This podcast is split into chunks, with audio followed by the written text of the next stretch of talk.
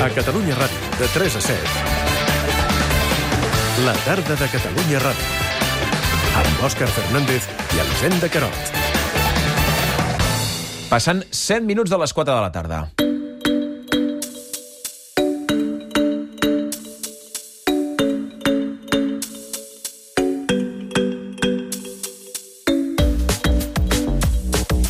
Seguim pendents d'aquesta situació creada a prop de Riudoms, en una masia abandonada on està atrinxerada la persona que ha fugit després d'haver tirotejat primer tres persones a una seu d'una empresa de seguretat privada al centre de la ciutat i després a un mosso d'esquadra en un dels controls que intentaven aturar-lo.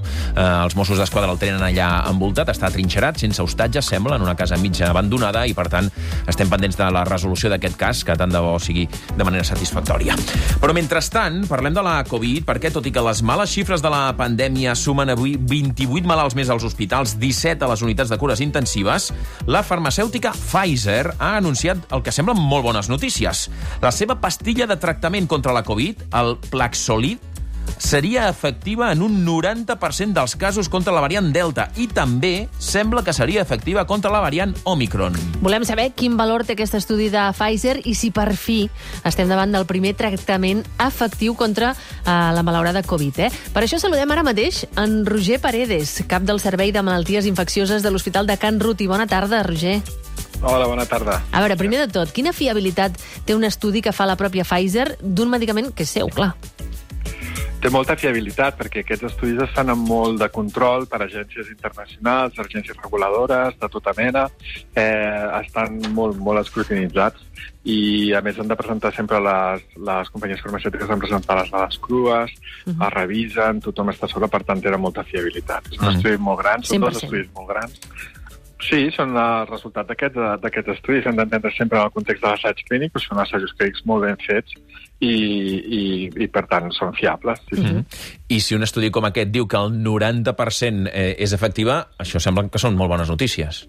Són molt bones notícies. És un antiviral que està dissenyat directament per inhibir un enzim concret de, de la, del virus que fa la Covid, que és la, la proteasa d'aquest virus, que s'hi uneix de manera molt forta i l'inhibeix. I aleshores el que s'ha vist és que administrat, a més a més és un fàrmac que es pot administrar per via oral, uh, i per tant administrat en persones que en les fases inicials de la, de la infecció, quan fa al cap de poc de que s'hagin infectat, Uh, sempre, en els estudis s'han fet aquests que es presenten ara són sobretot en persones no vacunades, però el que sí que es veu és que hi ha una reducció molt important d'hospitalitzacions eh, i per tant són molt bones notícies. Uh -huh. I aquest medicament quan trigaria a estar als hospitals? Perquè, clar, de vegades eh, fem eh, informació sobre aquests estudis que són molt preliminars i després estem parlant a mesos i anys vista. I es pot establir un calendari o encara és molt d'hora? Segurament es buscarà... És, eh, amb l'Omicron el que ha passat és que diferents anticossos monoclonals que s'havien estat desenvolupant durant temps, per exemple, a l'anticòs que s'havia, el Regeneron, que se li havia donat al Trump, la gent no ho conèixer, o d'altres, doncs en, deixen de ser efectius davant d'aquesta nova variant.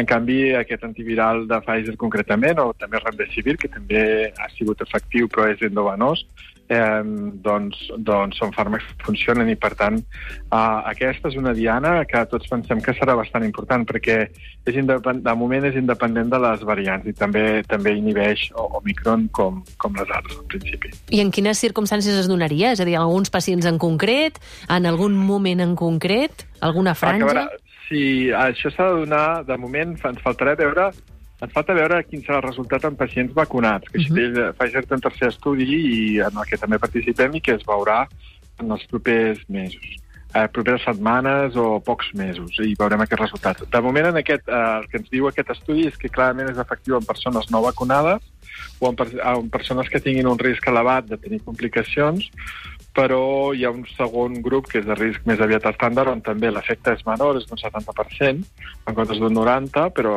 però també és, és un efecte consistent. Mm. Segurament caldrà veure quin preu el posarà la, la companyia, eh, i, i falten encara moltes, moltes coses. De revisar per l'Agència Europea de Medicament, la, la FDA americana, i un cop dependrà tot molt de, de, del preu que el vulguin posar, de quina sigui la disponibilitat. És un fàrmac que en aquests moments eh, no n'hi ha suficient com per donar-lo a, tots els, a totes les persones del món, eh, o a totes les persones que ho puguin, que ho puguin necessitar, uh, precisament perquè estaven pendents dels resultats de- d'aquests estudis, però penso que la pròpia companyia ja ha dit que bueno, passa una mica com quan es van veure els primers resultats de la vacuna de Pfizer, que hi havia poques, i ara el que ha de fer la companyia és produir-la uh, a, més a, a, a, a, a major escala. Mm. Dit això, per a nosaltres és important perquè tenim dades eh, en pacients hospitalitzats on la combinació d'un cosí germà d'aquesta molècula també de Pfizer amb, amb Remdesivir uh, millora molt l'efectivitat de, del component antiviral. És possible que anem cap a un futur on puguem donar tractaments combinats, això, això ho veurem. Uh, I, a més a més, ens dona l'oportunitat d'explorar modificacions d'aquesta molècula. És a dir, ara tenim una diana que sabem que funciona, a dia d'avui aquest fàrmac l'hem de donar combinat amb un altre fàrmac que es diu ritonavir, que té algunes interaccions, uh, i per tant sempre el podem anar, el podem anar, el podem anar millorant i llavors ja sabem com a mínim una, una de les dianes on realment podem, podem incidir i sembla que els resultats són, són molt i molt bons. Mm. Eh, Aquest és un dels tractaments que s'està estudiant, algun d'ells també amb alguns assajos en què hi participa Can Ruti. N'hi ha més de, eh, de tractaments que poden veure bons resultats en els pròxims mesos? Sí, nosaltres hem participat en el Molnupiravir, que les dades inicials semblava era un 50%, però que al final, amb les dades finals, ha, ha baixat un 30%. Sembla que clarament és un fàrmac que no és tan bo com aquest. Eh, Nosaltres estem en els estudis de Pfizer, hem estat en els estudis de, de Remdesivir també, que és possible que hi hagi una formulació bioral en els propers mesos, uh, i després hi havia un fàrmac també de Roche que s'estava desenvolupant. Uh, hi ha un, tota una bateria de molècules que estan nosaltres diem a la pipeline, estan, estan preparades i que s'aniran tastant i, i és un molt bon, és un molt bon, molt bones notícies perquè ens assenyala un camí per anar desenvolupant cada vegada antivirals que siguin millors. Es pot, es pot dir que el 2021 ha estat l'any de les vacunes i el 2022 serà el del tractament un cop ja tinguis la malaltia?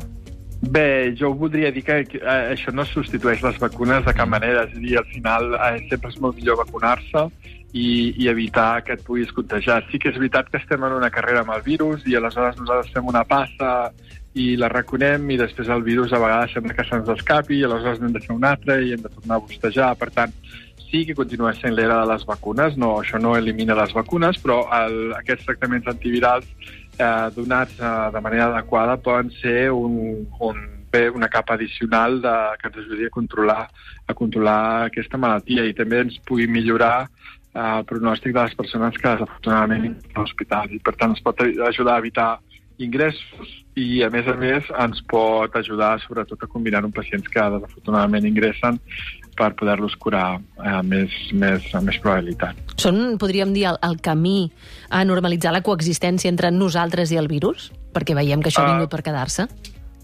Sí, això ha vingut per quedar-se. Aleshores, aquí el que és molt important per això és que entenguem que és una pandèmia global. És a dir, eh, que nosaltres no n'hi ha prou en vacunar o tractar els catalans uh, o els espanyols o els europeus, hem de, hem de vacunar i ho hem de i tractar a, a tots els països del Mundialment. món. No ens adonem de que això eh, és així, uh, estarem bé, ara sortirà la Omicron, la superarem i després en vindrà una altra, la superarem i en vindrà una altra i el, i el problema és que estarem, estarem d'aquesta manera. I, per tant, és molt important que, que els governs i la gent que és poderosa i la gent que té capacitat de realment canviar les coses entengui que ens hem de posar en una, en una dimensió més universal, no? Mhm. I, I que això, si no ho arreglem a tots els països del món, estarem així, estarem així anys. Mm. Doncs és eh, insistir en aquesta necessitat de vacunar a tothom, no només al primer món, i d'aquesta manera serà més fàcil lluitar contra la pandèmia. Però aquestes bones notícies, esperançadores notícies que dona aquesta pastilla de tractament contra la Covid que ha anunciat avui la farmacèutica Pfizer, perquè seria efectiva en un 90% dels casos contra la variant Delta i també seria efectiva contra la variant Omicron, després d'aquest eh, estudi, que és esperançador i del qual haurem de veure la seva evolució, juntament amb els altres tractaments que estan també eh, en supervisió. Ho hem comentat amb el doctor Roger Paredes, cap del Servei de Malalties Infeccioses de l'Hospital de Can Ruti a Badalona. Gràcies, doctor. Bona tarda. Gràcies a vosaltres. Adéu. Bona tarda.